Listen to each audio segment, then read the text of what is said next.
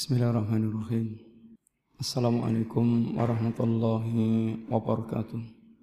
Innal hamdalillah wassalatu wassalamu ala Rasulillah wa ala alihi wa ashabihi wa mawalah wala haula wala quwata illa billah amma ba'du. Alhamdulillah ikhwati fillah rahimani wa rahimakumullah.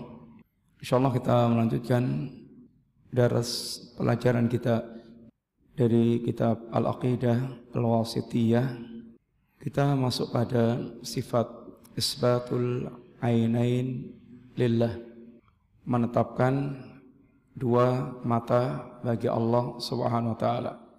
Pembicaraan ini sekali lagi kerangka besarnya adalah keimanan kita kepada Allah taala. Tuntutan mengimani Allah itu adalah mengimani nama-nama dan sifat Allah Ta'ala. Amantu billah, aku beriman kepada Allah Ta'ala, itu artinya menuntut kita untuk mengimani secara tafsil apa yang Allah jelaskan kepada kita. Di antara yang Allah jelaskan kepada kita adalah tentang asma Allah dan sifat Allah Subhanahu wa taala. Dan mempelajari asma wa sifat ini sesungguhnya merupakan pondasi dasar kita untuk mewujudkan ubudiyah kepada Allah Ta'ala. Karena ibadah kita dibangun di atas sikap pengagungan terhadap Allah. Sedangkan pengagungan kepada Allah itu akan terbentuk ketika dia mengenal Allah Subhanahu wa taala. Dan mengenal Allah dengan rinci itu ia melalui nama-nama dan sifat yang telah Allah terangkan kepada kita. Maka perkataan Al-Imam Ibn Al-Qayyim yang telah sering kita ulang-ulang, akmalun nasi ubudiyatan al-muta'abbid bi jami'il asma'i wa sifat allati yuttali'u alihal bashar. Ada yang tahu artinya? Tidak. Ya akmalun nasi ubudiyatan, manusia yang paling sempurna penghambaannya kepada Allah al-muta'abbid ini orang yang mereka beribadah kepada Allah bi jami'il asma'i was sifat allati yuttali'u 'alaiha al-bashar. Ini orang yang mereka beribadah kepada Allah dengan semua nama-nama dan sifat yang Allah telah terangkan kepada manusia. Karena di situ Allah mengenalkan dirinya. Mengenalkan dengan pengenalan yang tafsil yang detail yang itu akan memberikan masalah imaniah. Akan memberikan itu pelajaran iman. Apa yang harus kita wujudkan dengan setiap nama dan sifat tersebut. Sehingga setiap kita mempelajari nama dan sifat Allah ya ada faedah-faedah masalah kia yang harus tertanam di dalam iman kita. Sehingga akan semakin memunculkan rasa pengagungan terhadap Allah Subhanahu wa taala. Isbatul ainain lillah. Penetapan atau menetapkan dua mata bagi Allah Subhanahu wa taala. Beliau bawakan Sallallahu Islam membawakan tiga ayat berkaitan dengan penetapan dua mata bagi Allah Ta'ala. Yang pertama adalah firman Allah, wasbir lihukmi rabbika fa innaka bi ayunina surat tur ayat yang ke-48 wasbir dan bersabarlah engkau. Li hukmi rabbika dalam mewujudkan hukum Rabbmu. Fa innaka bi ayunina. Sungguhnya engkau berada dalam ini pengawasan kami.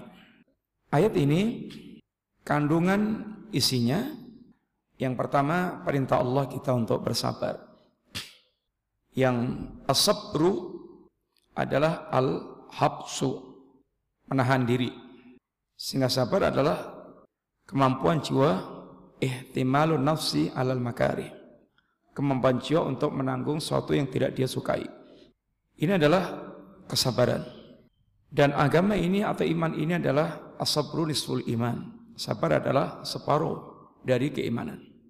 Dan Allah menyebutkan tentang sabar dalam Al-Quran sekian puluh ayat yang berkaitan dengan yaitu masalah ini kesabaran. Yang secara syar'i atau secara logoh tadi sabar adalah al-habsu menahan. Secara syar'i adalah asabru li ahkamillah sabar dalam mewujudkan hukum-hukum Allah Subhanahu wa taala. Fasbir li hukmi rabbik. Hukum Allah ada hukum syariah, ada ahkam syariah dan ada ahkam kauniyah.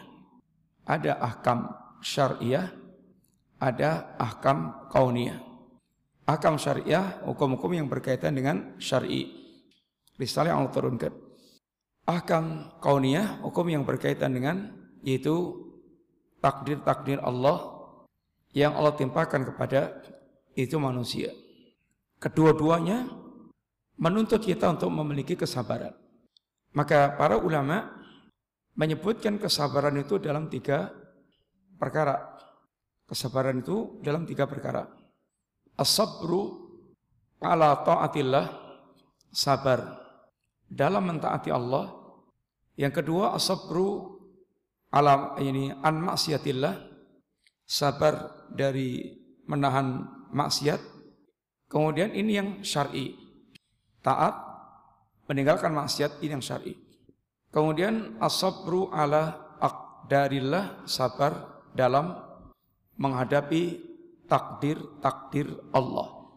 Sabar dalam menghadapi takdir-takdir Allah. Ini yang kauni yang kau nih musibah, bencana-bencana, maka bersabar dalam mewujudkan hukum Allah yang ini berkisar pada tiga perkara ini. Sabar dalam mentaati Allah, sabar dalam maksiat kepada Allah, sabar dalam menghadapi takdir-takdir Allah Subhanahu wa taala. Kenapa taat itu membutuhkan kesabaran? Kenapa? Kembali, Glenn. Gimana? Kenapa taat itu membutuhkan kesabaran? Tadi sabar apa? Makna bahasa al-habsu menahan diri dari perkara yang menyusahkan, menyulitkan. Terus kalau taat itu membutuhkan kesabaran, kenapa? Kita di akhirat. Gimana, Risa? Nabi katakan apa? Al jannatu huffatil jannatu apa? Bil makari wa huffatin nar bisyahawat. Surga itu dikelilingi dengan hal-hal yang tidak disukai. Secara umum, semua bentuk ketaatan yang akan mengantarkan ke surga, man ata'ani dakhalal jannah, barang siapa mentaatiku dia masuk surga, wa may wa rasulahu, barang siapa yang dia maksiat pada Allah dan Rasulnya, faqad dhalla dhalalan mubinan, maka dia telah sesat dengan setan yang nyata dan kesatan adalah neraka ancamannya. Semua ketaatan keumumannya adalah tidak disukai oleh jiwa. Karena jiwa secara umum inna nafsa la ammaratun bisu. Jiwa itu sangat memerintahkan kepada keburukan. Illa man rahiba rabbu. Kecuali yang dirahmati oleh Rabbnya jiwanya telah sampai pada tingkat an-nafsul mutmainnah. Jiwa yang sudah menjadi tenang sampai pada tingkatan dia jiwa yang telah menjadi tenang dengan segala macam ketaatan-ketaatan kepada Allah. Ini tingkatan untuk mencapai derajat ini atau tingkatan agama, tingkatan ihsan. Yang telah kita lewati pembahasan ihsan, orang pada tingkatan ihsan Sampai pada tingkatan dia merasakan lezatnya ketaatan-ketaatan kepada Allah Ta'ala. Ihsan anta budallaha ka'annaka tarah. Fa'ilam takun tarah fa'inau yarab. Ihsan itu Anda beribadah kepada Allah seakan-akan Anda melihat Allah. Melihat bukan dengan mata kepala karena di dunia nggak bisa Allah dilihat. Melihat dengan hatinya yaitu merasakan keagungan Allah Subhanahu wa taala di antaranya perasaan pengagungan kepada Allah, kecintaan kepada Allah, kerinduan kepada Allah, sehingga segala perkara yang berkaitan dengan ketaatan kepada Allah itu menjadi lesat. Ini lesat. Orang kalau sudah ada kecintaan, ada kerinduan, itu semuanya kelezatan yang berkaitan dengan orang yang dia cintai, yang dia uh, yang dia rindukan dalam bahasa orang-orang yes keumuman sampai apa itu namanya uh, tai kucing rasa coklat intinya ya kecintaan itu akan merubah seorang yang derita-derita pun menjadi sebuah kenikmatan menjadi sebuah keindahan menjadi sebuah keasikan. Antum memberi kepada orang antum cintai. Rumah saya ini sedih banget. Maaf ya dia ini enggak seberapa. Padahal kalau bukan dengan yang dicintai, gede banget, gede banget, ustakai wakil. Itu kepada orang tidak dicintai. Kalau dengan yang dicintai, aduh, minta maaf ya, hanya segini. Dia khawatir juga pemberiannya nggak ada, nggak dihargai. Ini kalau ada, ini kecintaan. Makanya akan merubah sesuatu yang tadinya hati itu berat, nggak suka menjadi suka, lezat, dan sebuah kenikmatan. Itu kalau sudah sampai pada tingkatan ini ihsan. Tapi asalnya manusia dengan semua ketaatan itu berat. Membutuhkan proses, membutuhkan pendidikan. Sampai dia betul-betul merasakan lezatnya ini ketaatan-ketaatan tersebut. Maka untuk bisa mewujudkan ketaatan seperti ini membutuhkan kesabaran. Karena ibaratnya kayak naik gunung Gimana naik gunung? Ya ekstra harus mendaki, naik dan ya ekstra tenaga. Harus pakai betul-betul itu kekuatan yang dia paksakan. Beda dengan maksiat. Maksiat kayak gelinding gitu aja. Gelinding. Nggak rasa disurung. Orang nggak usah nggak usah pakai disurung itu gelinding dewi. Itu maksiat. Makanya untuk dia tidak bermaksiat itu perlu kesabaran. Kenapa? Untuk tidak bermaksiat itu perlu kesabaran. Kenapa? Gimana? Cahyo. Ya terus melakukan ketaatan atau melakukan apa? Antum luaper, terus cemepak, daging panggang, padahal sangat bernafsu, bisa cewal-cewal, cewal-cewal, terus raitup. Beratnya itu di perasaan itu. Beratnya di perasaan. Karena kayak kesedot menahan dari sedotan. Tahu gak sedotan? Itu sedot gini harusnya itu but gitu. Dia tahan-tahan. Berat. Dia tahan-tahan. Ya jadi berat. Makanya orang yang kalau sudah kena penyakit cinta, penyakit cinta, Orang soleh pun bisa kena bisa kena penyakit cinta. Untuk dia menahan diri dari melakukan perbuatan yang haram itu bisa nganti kering. Bisa nganti kering. Umar bin Abdul Aziz punya budak. Eh, bukan punya budak, budak istrinya. Yang Umar sangat mencintai. Umar bin Abdul Aziz sangat mencintai. Oh, tapi bukan miliknya gimana? Nggak bisa dinikmati. Sehingga menahan dirinya itu ya jadi kekuatan sendiri. Bisa membuat kering, kering tahu. Bisa membuat kering, nggak tahu. Antum di searching ya.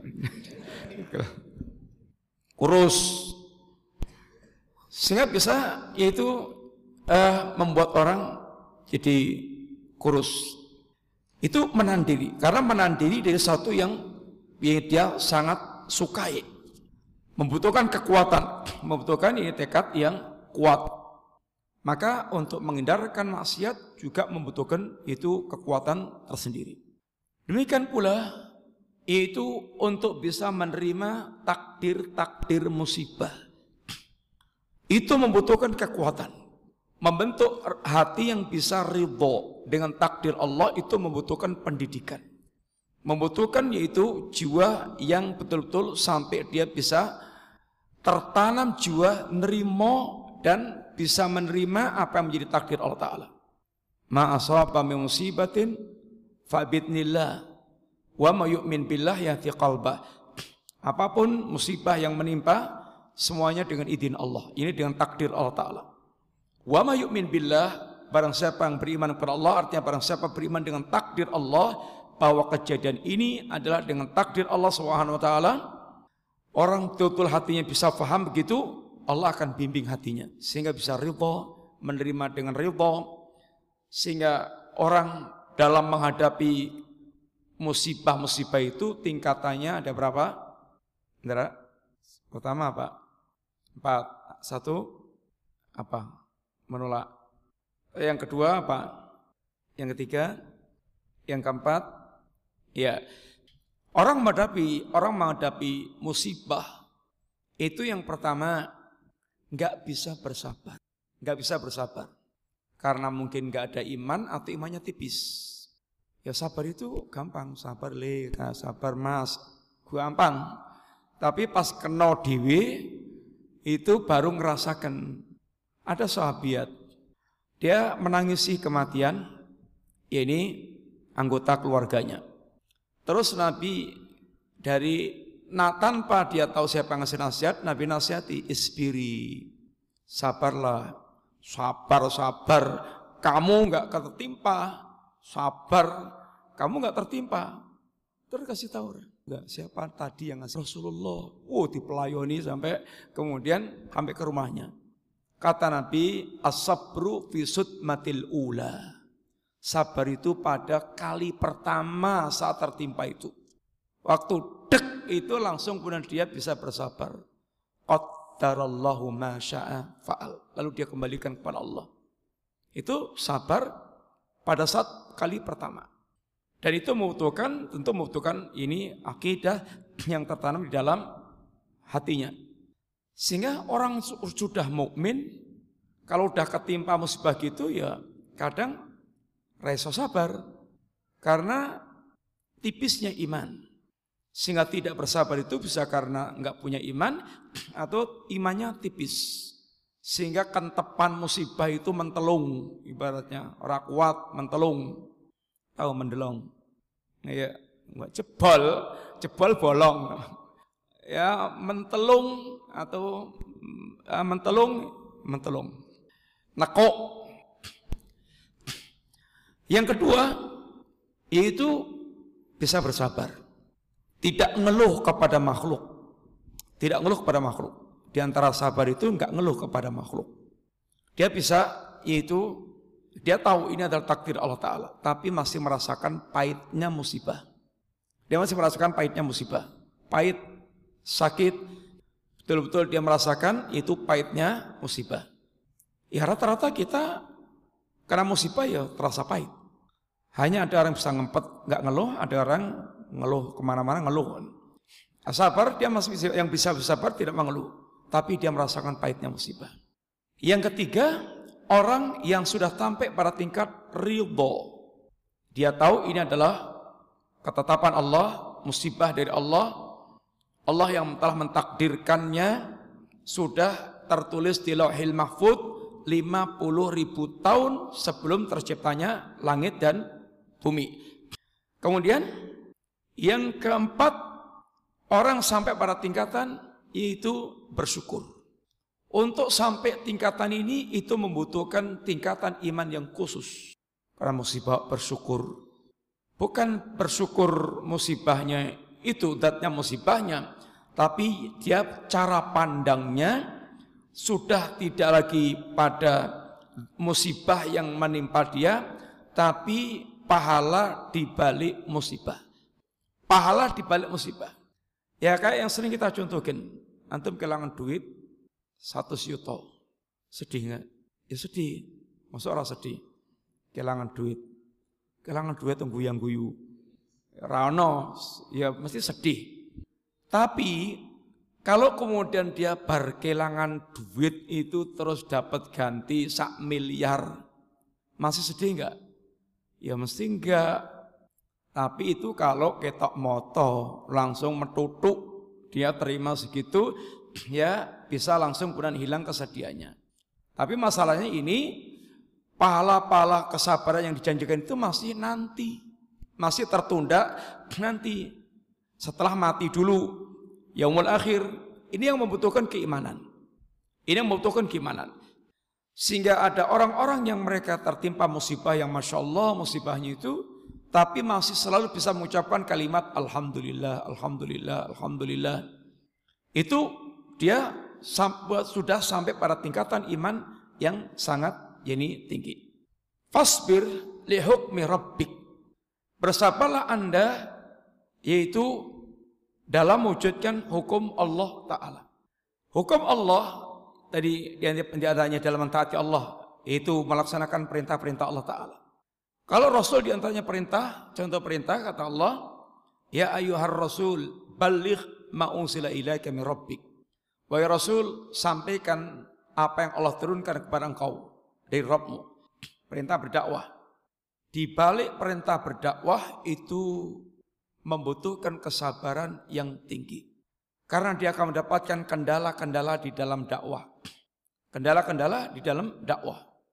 Ya kendala berkaitan dengan mungkin dari internalnya, dari eksternalnya.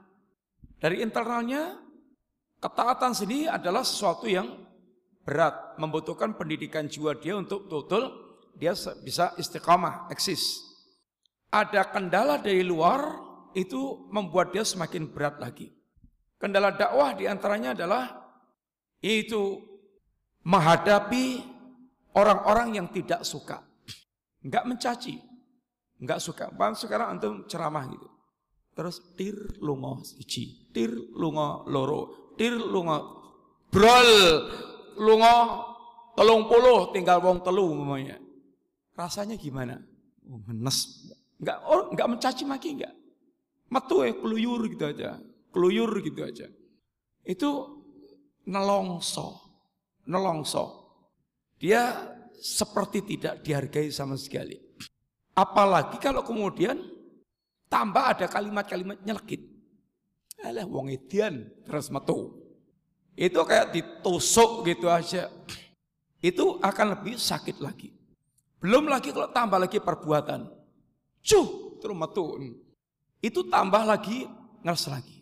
Maka kata Allah, fasbir amma yaqulun. Bersabarlah anda dari apa yang mereka ucapkan. Fasbir kama sabara ulul asmi minar rusul. Sabarlah anda terhadap eh, tahap sabar anda seperti kesabarannya para ulul asmi dari kalangan para rasul. Isbiru wasabiru sabarlah dan tingkatkan kesabaranmu sehingga tingkat kesabarannya membutuhkan ekstra dalam mewujudkan ketaatan membutuhkan yaitu kesabaran Kadang perbuatannya nggak berat, tapi menjadi berat itu karena lingkungan yang tidak mendukung. Salat ke masjid, salat ke masjid. Sak kuampung yang ke masjid terus dewian. Mangka dewi, adan dewi, komat dewi, ngimami dewi. Itu ya pisan pindo ya masih mungkin hiburan bagi dia. Tapi kemudian nek terus gitu terus itu abot jadi abot. Anggri lewat malah don teleng apa? Oke, Pak Kiai yang masjid kayak. Itu tambah ini berat sehingga membutuhkan ini kesabaran dalam mewujudkan atau dalam dakwah. Ini contoh perintah kepada Nabi. Contoh larangan pamannya larangan untuk musyrik wala takunanna minal musyrikin. Jangan kamu menjadi orang musyrik tidak musyrik di tengah-tengah masyarakat musyrik. Gimana? Berat nggak? Berat. Ayo sajen keragelem dewi. Berengkolangi omai. Dicing, dicing. Meninggalkan bid'ah di tengah-tengah alil bid'ah. Bakal dicap aliran sesat. Meninggalkan maksiat di lingkungan ahli maksiat. Semuanya jadi berat. Sehingga meninggalkan itu semua jadi sangat berat. Karena dia harus menentang arus. Menentang arus. Demikian juga berkaitan dengan yaitu uh, bersabar terhadap berbagai macam musibah-musibah. Musibah baik yang berkaitan musibah uji-ujian iman ataupun dengan musibah gangguan-gangguan manusia kepada ini dirinya. Atau termasuk lambatnya pertolongan Allah. Lambatnya pertolongan Allah. Maka kalau tidak sabar dia akan istijal. Tidak sabar dia akan istijal. Semuanya butuh proses. Semua butuh proses. Maka ketika para sahabat Khobab ibn al beliau disiksa Quraisy, kemudian melihat Nabi bersandar di Ka'bah, kata Khobab, ya Rasulullah, ala tasir lana, ala tad'u lana. Ya Rasulullah, kenapa engkau tidak menolong kami, tidak mendoakan kami? Kata Nabi, ya Khobab, orang sebelum engkau, sebelum kalian, ada yang ditanam di tanah, terus di atas kepalanya diletakkan gergaji, terus digergaji krok krok batok kepalanya itu digergaji krok krok krok krok krok sampai sigar awae sigar jadi dua. Ada yang dia disisir dengan sir besi sampai kulitnya berpisah, dagingnya berpisah dari tulang belulang. Antum dipenteng gitu mamanya, oh, dipenteng enggak? Disalib, dipenteng, terus digaruk, dijongkati, awake pakai jongkat besi. Sampai ngelokop-ngelokop. Kemudian pisah antara daging dengan tulang belulangnya. Tapi kata Nabi, itu tidak membuat mereka bergeming dari agamanya. Itu membutuhkan kekuatan jiwa yang betul-betul dia tidak lagi rasakan apa yang mereka siksakan pada dirinya. Lalu kata Nabi memberikan motivasi ya Habab. Wallahi. Demi Allah. La yutimannallahu hadzal amra hatta yasira raqib min san'il hadral maut la yakhafu ilallah. Wahai Habab, demi Allah. Allah pasti akan memenangkan urusan agama ini, menyempurnakan urusan agama ini, memenangkan agama ini. Sampai nanti saking telah tersebarnya Islam, orang berjalan dari Son'a ke Hadral Maut, nggak ada yang takut kecuali hanya kepada Allah Taala. Artinya nggak ada yang ditakutkan, perampok, begal-begal, penjahat-penjahat, aman. Tersebarnya iman dan Islam di tengah-tengah manusia. Tapi kata Nabi, walakinnakum tastajilun, tapi kalian itu tergesa-gesa. Kalian tergesa-gesa. Semuanya ada prosesnya. Menjalani proses itu membutuhkan kesabaran. Mau jadi ulama, prosesnya ya belajar, ngapalkan, kemudian menghabiskan waktunya untuk betul-betul dia senantiasa tekun, mengulangi pelajaran dan menambah pelajaran. Itu proses. Sampai kemudian jadi. Lah untuk jadi apa itu dodol Garut yang dicokot enak ya pakai proses kan dari gandum campur gula diudak diudak diulek sampai kemudian jadi kental jendel prosesnya juga cukup panjang ada intinya ada proses lah men, itu men, mengikuti proses ini membutuhkan kesabaran. Membutuhkan kesabaran. Sehingga seorang bagaimana dia memiliki kesabaran sampai pada mendapatkan sampai di tempat tujuannya. Kata para ulama, jala qabla awani uqiba bihurmani. Barang siapa yang dia tergesa-gesa sebelum waktunya, maka akan dia terhalang dari maka akan Allah hukum dengan dia terhalang dari itu tujuannya. Pelem untuk matang itu pakai proses. Terus kayak mentah terus di dimatangkan, dimatang-matangkan, dipaksa matang, dicokot raina. Dicokot raina. Untuk jadi ustad itu kayak rong apa-apa pengen jadi ustad. Dicokot, sepet, dinang raina. Alias ya namanya dia harus menyampaikan, dia harus paham, harus, tahu, harus paham. Karena nggak paham ya bulat nyetak ke malah jadi bingung ke. Karena nggak paham, nerangkan biar jelas malah jadi bulat-bulat, malah racet toh. Ini adalah karena belum matang, belum matang. Makanya kita kalau ada apa-apa suruh kembali kepada ulama yang kibar.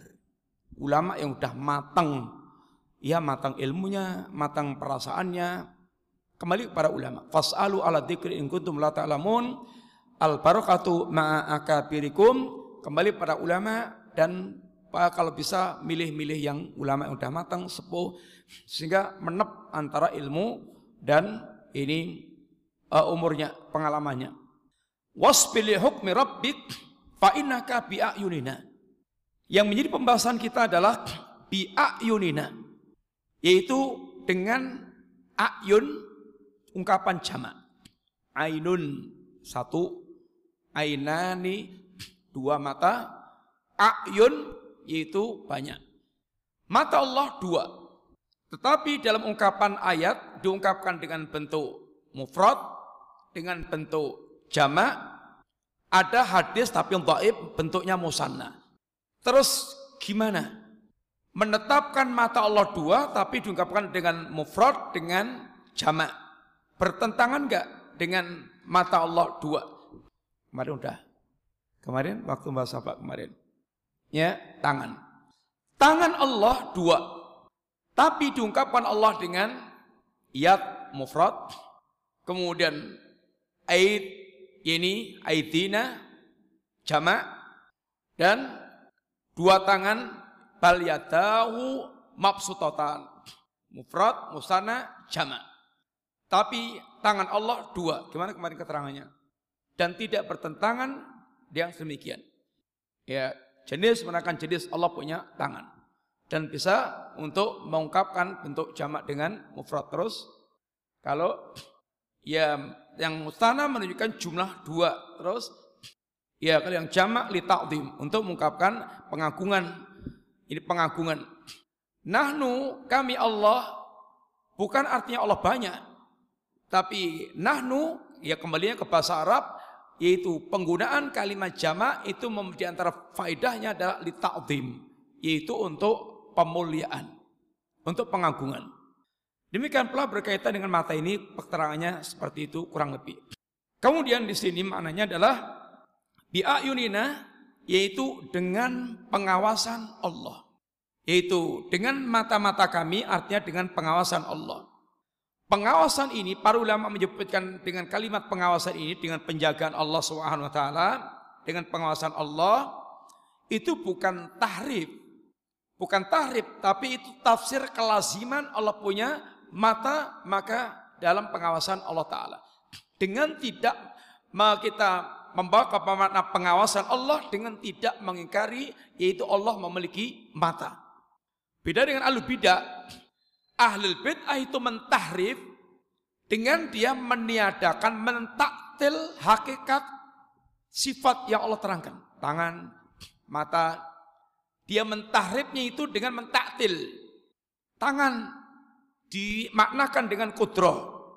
Karena dia tidak bisa menetapkan sifat tangan karena gambaran dia menyerupakan dengan makhluk, serupa dengan makhluk, maka supaya bisa gampang diterima tangan ditahrif dengan kudroh kekuasaan. Sesungguhnya makna tangan bisa di antaranya dibawa kepada kudroh. Tetapi dengan tidak menafikan hakikat Allah punya tangan. Tapi alul bid'ah itu dengan dia menolak, dia mentahrif itu karena berangkat dari menolak sifat tersebut. Sehingga setiap muharrif dia adalah musabbih dan mu'atil. Baru kemudian dia melakukan tahrif. Kenapa? Setiap musabbih, eh, setiap mu, muharrif dia adalah musabbih dan dia mu'atil. Muharrib orang mereka melakukan tahrib penyimpangan itu pertama karena dia mentasbih. Tangan, uh, tangan, mosok Gusti Allah duwe tangan. Tangan kok podo karo awak dhewe. Dibayang-bayangkan gitu, dia mentasbih, menyamakan dengan makhluk, kemudian dia menolak. Ah, enggak lah. Enggak. Maka dia tolak. Kemudian supaya gampang difahami, ditahrib makna tangan dengan kudroh yang lebih gampang untuk dia ya ini terasa masuk akal.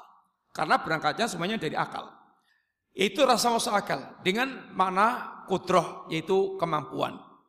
Maka ini adalah termasuk di antara perbuatan melakukan tahrib dan kesatannya karena dia melakukan taktil. Jadi mentaktil menolak sifat Allah Subhanahu wa taala. Seandainya dia konsekuen dia melakukan tahrib itu karena berangkat dari membayangkan Allah serupa dengan makhluk, kalau ditahrif dengan kekuasaan, pertanyaannya makhluk punya kekuasaan enggak? Makhluk juga berkuasa enggak? Berkuasa. Raja berkuasa, penguasa berkuasa. Kok berani-beraninya dia itu menetapkan sifat yang juga makhluk punya sifat itu? Tapi beda, maksudnya beda kekuasaan makhluk dan kekuasaan Allah beda.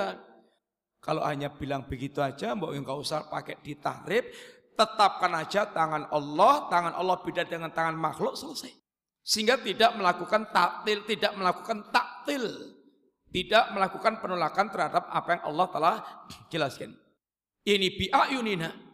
Sehingga di sini ini Allah yaitu mengawasi asma'u wa ara sehingga menguatkan, mengawasi memiliki makna ada unsur pertolongan, penguatan Allah. Ini jangan khawatir. Aku bersamamu, aku mendengar, aku melihat. Allah mengawasi sehingga akan terasa kebersamaan Allah kepada dirinya sehingga akan menguatkan mental orang-orang yang mereka berjalan di atas jalan Allah Ta'ala. Wasbir li hukmi rabbika Sabarlah anda dalam wujudkan hukum Allah yang penuh dengan ini kesulitan-kesulitan fa innaka bi'ayunina karena engkau berada dalam pengawasanku. Ini betul-betul Allah membersamainya. Allah yaitu akan mengetahui semua keadaan yang menimpanya. Intinya jangan khawatir. Anda ini bersama Allah dalam pengawasan Allah Allah tahu persis semuanya dan akhirnya akan memunculkan sikap tawakal dan tenang. Tenang. Beres. Saya bersama kamu. Itu kalau makhluk aja ngasih harapan begitu orang apa-apa. Itu orang akan ya ini berani ada backingannya. Ada backingannya. Nah, ini backingannya Gusti Allah. Sehingga apa yang akan dikhawatirkan oleh orang yang mereka yaitu mengembalikan urusan kepada Allah Subhanahu wa taala. Itu kandungan pelajarannya. Sehingga di sini yang dibahas adalah bahwasanya iman kepada ini sifat ainun bagi Allah taala. Sifat mata bagi Allah Subhanahu wa taala. Dan sifat mata ini adalah sifat dzatiyah khabariyah. Apa itu? Dzatiyah khabariyah. Wahyu Ya sifat datia, sifat yang senantiasa melekat pada Allah Ta'ala, sifat yang melekat pada Allah Ta'ala azali, dan sifat ini hanya bisa kita ketahui dengan penghabaran. Dengan penghabaran. Tanpa penghabaran kita nggak tahu. Allah menghabarkan punya mata, maka kita menetapkan Allah punya mata. Seandainya Allah tidak menghabarkan Allah punya mata, kita nggak tahu. Bagaimana sifat yang ada pada Allah Subhanahu wa taala. Kemudian Mata Allah dua, di antaranya terambil dari hadis Rasulullah SAW berkaitan dengan masalah Dajjal. Innahu akwar wa inna rabbakum laisa bi akwar. Dalam riwayat yang lainnya, akwarul ain al yumna. Sesungguhnya Dajjal itu ya ini buta sebelah, bicak sebelah matanya. Wa inna rabbakum laisa bi akwar dan Allah tidaklah buta sebelah. Ini menunjukkan bahwasanya mata Allah dua. Sebagaimana Nabi mengisyaratkan tentang Nabi ketika mereka sifat dengan mengisyaratkan juga mata, telinga, menggenggam. Nabi isyaratkan bukan menyerupakan Allah dengan genggamannya, tapi menegaskan, menekankan betul-betul menggenggamnya itu menggenggam ada.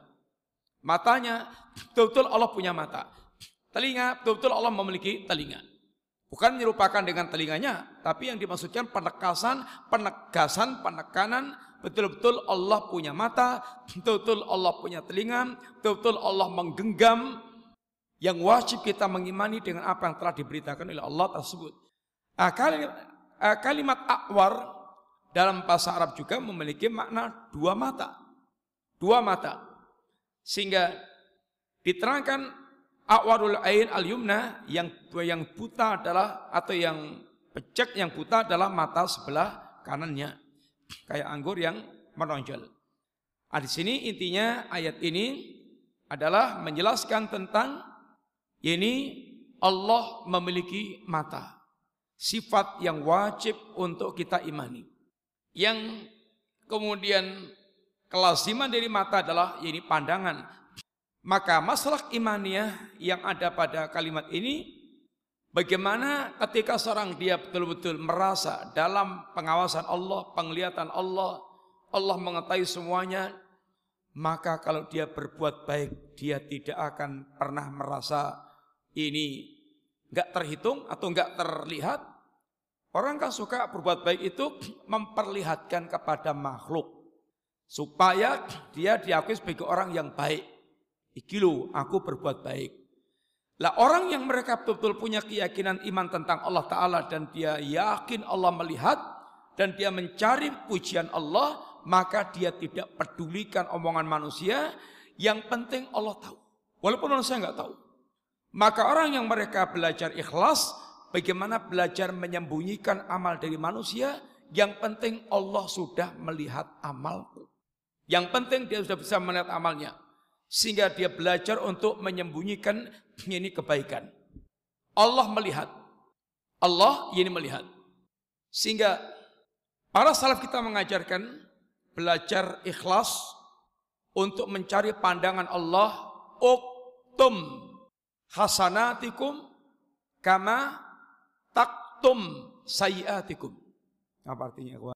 Ini uktum hasanatikum kama tak tum sayiatik. Apa? Ya sembunyikanlah kebaikan Anda sebagaimana Anda menyembunyikan keburukan Anda. Menyembunyikan keburukan itu wis pinter kabeh.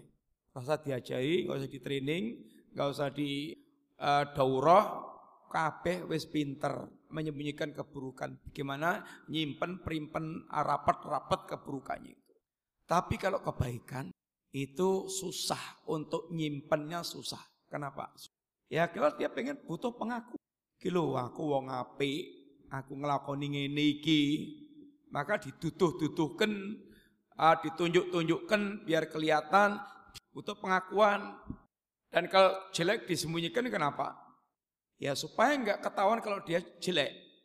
Maka disembunyi-sembunyikan kejelekannya.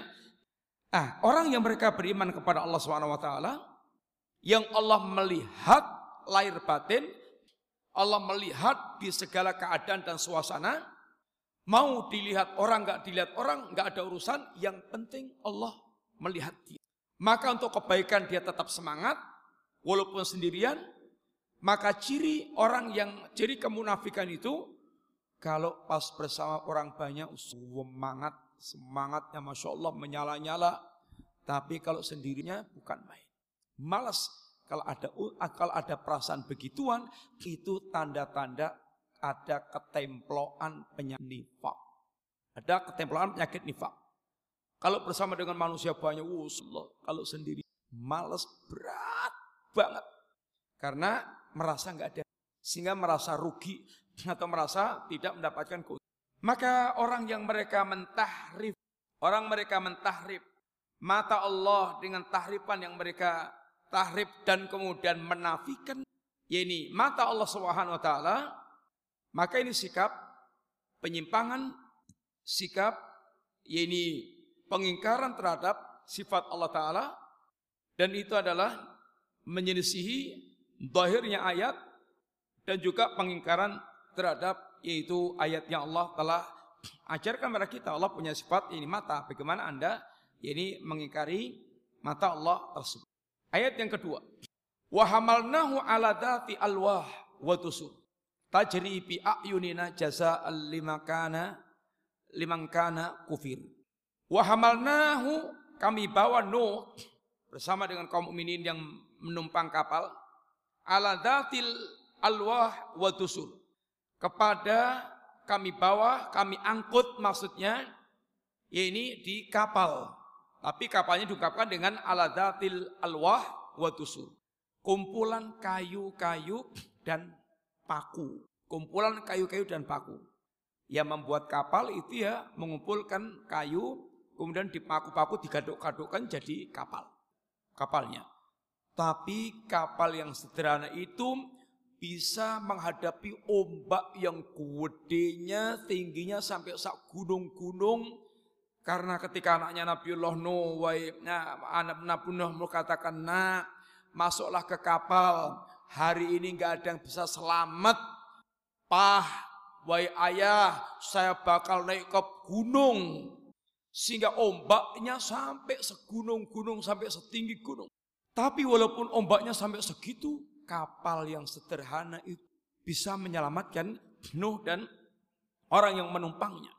Nabiullah Nuh dakwah selama 900 lama 950 tahun. Dan diriwayatkan pengikutnya selama 950 tahun itu pengikutnya hanya berapa kawan? Berapa? 80-an. 80 di poros sangang atau untuk mendapatkan satu orang butuh berapa tahun? Hah? 10 baru wolong atus. 11 wolong atus wolong puluh. Durung sangang atus seket. Kira rolas tahun itu wong siji. Itu dakwah rolas tahun untuk wong siji bedek ngisi kayak ke wong telu terus sing teko. Sing telu aja siji siji kotak-kotak HP, inya taklak-takluk nguntak ngantuk bedek Nah, ini menghadapi kaumnya yang sampai pada tingkatan kata Nabi Nuh wala yajidu illa fajiran wala yalidu illa fajiran kafara. Mereka tidak melahirkan anak kecuali anak itu sudah disiapkan untuk tumbuh berkembang menjadi generasi yang fajir yang kafir. Permusuhannya sangat sengit kepada Nabi Nuh. Maka Nuh diperintahkan Allah kemudian setelah berdoa kepada Allah, Rabbi la tadar minal uh, Rabbi la tadar alal kafirina uh, Rabbi la tadar alal ardi minal kafirina dayyara. Ya Rabb, jangan engkau biarkan ada seorang kafir pun yang tersisa. Ludeskan semuanya mereka. Maka Allah perintahkan Nuh membuat kapal. Oh yang beriman suruh masuk ke kapal. Kemudian Allah akan timpakan adab pada mereka. Yaitu banjir dari atas, dari bawah, dari bawah mancur, dari atas turun sampai menenggelamkan mereka total habis bis kecuali orang-orang yang mereka masuk ke dalam yakni kapal. Kapalnya Nuh yang menyelamatkan mereka ini tajribi ayunina. Berlayarnya itu dengan pengawasan Allah, dengan mata Allah, yakni dengan pengawasan Allah. Yang ini pembicaraan yang berkaitan dengan bab ini adalah ini keimanan kita terhadap mata Allah. Ayunina dengan pengawasan Allah yaitu ayun mata Allah diungkapkan dalam bentuk ini jamak. Jazaan liman kana kufir itulah balasan bagi orang yang mereka itu kufur kepada Allah Subhanahu wa taala. Sehingga untuk dia bisa bertahan seperti ini ya butuh kesabaran. Makanya dikatakan ketika mereka mengolok-olok Allah Nuh, wong gendeng apa? Kena musim kemarau kayak gini kok nggak kapal. Diolok-olok mereka. Kata kata nu intas minna fa inna naskharu minkum kama. Kalau sekarang kalian mengolok-olok kami, maka kami kelak akan mengolok-olok kalian sebagaimana kalian mengolok-olok kami. Ahlul jannah dia akan nanti um, merendahkan mengolok-olok ahlun nar sebagaimana ahlun nar dulu mengolok-olok ini mukmin ketika di dunia. Ini adalah ayat di antaranya adalah uh, yang menyebutkan tentang mata Allah Taala. Kemudian dan termasuk mengajarkan di situ bagaimana cara membuat kapal. Cara membuat kapal. Allah ungkapkan dengan yaitu ungkapan ala dati al termasuk untuk menunjukkan pelajaran bagaimana cara membuat kapal dengan merangkai-rangkai ini kayu, kemudian ya digaduk-gadukan dengan paku, intinya kemudian bagaimana menjadi kapal yang kemudian bisa berlayar bi ayunina dengan pengawasan Allah Subhanahu wa taala. Ayat yang ketiga. Wa alqaitu alika mahabbatan minni walitusna'a ala aini. Ini berkaitan dengan Musa. Wa alqaitu alika mahabbatan. Aku jadikan engkau ya Musa menjadi orang yang dicintai dan Kecintaan yang Allah lemparkan pada hati manusia itu mini dari Allah Ta'ala. Walitus na'a ala aini dan agar engkau ini berbuat itu dengan pengawasan kami. Musa dari kecilnya termasuk di antara eh, yang di antara mahabbatan mini tadi waktu lahir Di zaman Fir'aun mengumumkan yang laki-laki bayi laki yang perempuan dibiarkan. Maka setiap orang hamil diawasi terus, didata, disensus. Sak pokong yang kemeteng asing ah, hamil berapa orang. Terus diawasi terus. Lahir lanang apa Lanang patah ini. Fir'aun. Ah Musa sampai bisa selamat. Padahal yang menemukan adalah Fir'aun dan istri. Di apa itu dikelek di apa kalek ke di apa kelek ke kelek dikelek kan ya dikalek dikalek kelek kan dilarut dilarungkan atau dihanyutkan terus ditemu oleh Fir'aun sama itu istrinya. Itu melihat bayi Musa senang banget. Senang banget. Itulah yang Allah takkan dengan mahabbatan mini. Itu alika mahabbatan mini. Orang yang melihatnya senang. Supaya nanti Fir'aun tumbuh berkembang dan ternyata menjadi musuh besarnya Fir'aun yang membesarkan Musa di istananya. Maka alangkah sangat beratnya Musa berdakwah kepada Fir'aun. Antum bayangkan, tumbuh berkembang di istana, dalam asan Fir'aun, kemudian ada kasus membunuh, Musa lari ke Madian, lalu mendapatkan wahyu Allah, lalu Allah perintahkan berdakwah kembali kepada Musa. Dan Musa berhadapan dengan Fir'aun Musa kemudian minta pada Allah yaitu menjadikan saudaranya Harun menjadi nabi mendampingi diri. Untuk bayangkan dua orang menghadap orang sekelas Fir'aun. Fir'aun itu umpamanya sekarang presiden Amerika umpamanya. Presiden Amerika, George Bush atau semisal kelasnya. Terus antum kopugung terus ngadepi uh, presiden Amerika mendakwai. Itu bisa dibayangkan kekuatannya, bagaimana perasaannya. Tapi Allah yang betul-betul yaitu menyertai Musa. Idhab ila fir'auna. Wahai Musa, pergi karena kepada ini, pergi dakwailah ini Fir'aun. Ini asma'u wa ara. Aku selalu mendengar apa yang terjadi, aku melihat, mempersaksikan kalian sehingga dalam pengawasan Allah Subhanahu taala. Jangan takut. Ini sekali lagi backingannya Allah. Jangan ini takut. Sehingga mata Allah yang melazimkan pengawasan Allah membuat seorang yang mereka meyakini yang seperti itu ya kalau berkaitan resiko dia menjadi tidak takut karena dia bersama dengan zat yang merantasi hasbunallah wa ni'mal wakil kalau berkaitan ketaatan dia akan semangat melakukan ketaatan kalau Allah melihat kalau berkaitan dengan maksiat dia akan hindarkan walaupun gak ada yang melihat tapi karena pasti Allah melihat, ini akan membuahkan ketakwaan. Dan akan membuahkan keyakinan dia. Akan membuatkan yaitu keberanian, membuahkan keberanian dia. Ayat ini yang menjadi bagian pembahasan kita adalah ini ayun. Yaitu mata Allah Subhanahu wa taala. Dan orang yang mereka memberikan takwil atau tahrif terhadap mata ini kemudian dengan menafikan atau dengan melakukan taktil penolakan terhadap sifat mata bagi Allah pertama menyelisih dohirnya ayat dohirnya ayat Allah merangkan bi ayunina Allah punya mata kok dia mengingkari itu menyelisih dohirnya ayat yang kedua menyelisih ijma'nya salaf yang ketiga nggak punya dalil untuk membenarkan tahrif dia kenapa kamu tahrif kepada makna ini dalilnya apa ya akal akhirnya kembalinya kepada ini akal Ikhwanibillah Sesungguhnya menetapkan sifat Allah bukan artinya tidak punya dalil akal. Ada dalil akal. Pendalilan akal dalam menetapkan sifat Allah Ta'ala dalam dua bentuk. Dalilul kamal dan dalil muqabil. Dalil kesempurnaan dan dalil yaitu yang bertentangan, yang berlawanan. Dalil kesempurnaan artinya dengan sifat itu kalau ditetapkan itu akan menjadi sempurna. Makhluk aja menjadi sempurna min babil aula Allah Subhanahu wa taala. Contoh umpamanya manusia melihat. Melihat bagi manusia kesempurnaan atau enggak ikhwan? Kesempurnaan. Kesempurnaan. Kalau untuk manusia aja itu adalah kesempurnaan bagi Allah min babil aula. Lebih-lebih bagi Allah Ta'ala itu kesempurnaan. Itu dengan akal. Yang kedua dengan akal yaitu dengan mukobil. Yang kebalikannya. Kalau nggak punya mata, nggak bisa melihat, artinya apa? Buta. Kalau Allah disifatkan nggak bisa melihat artinya buta, itu berarti kekurangan, maka akal akan menolak. Ini dalil akal.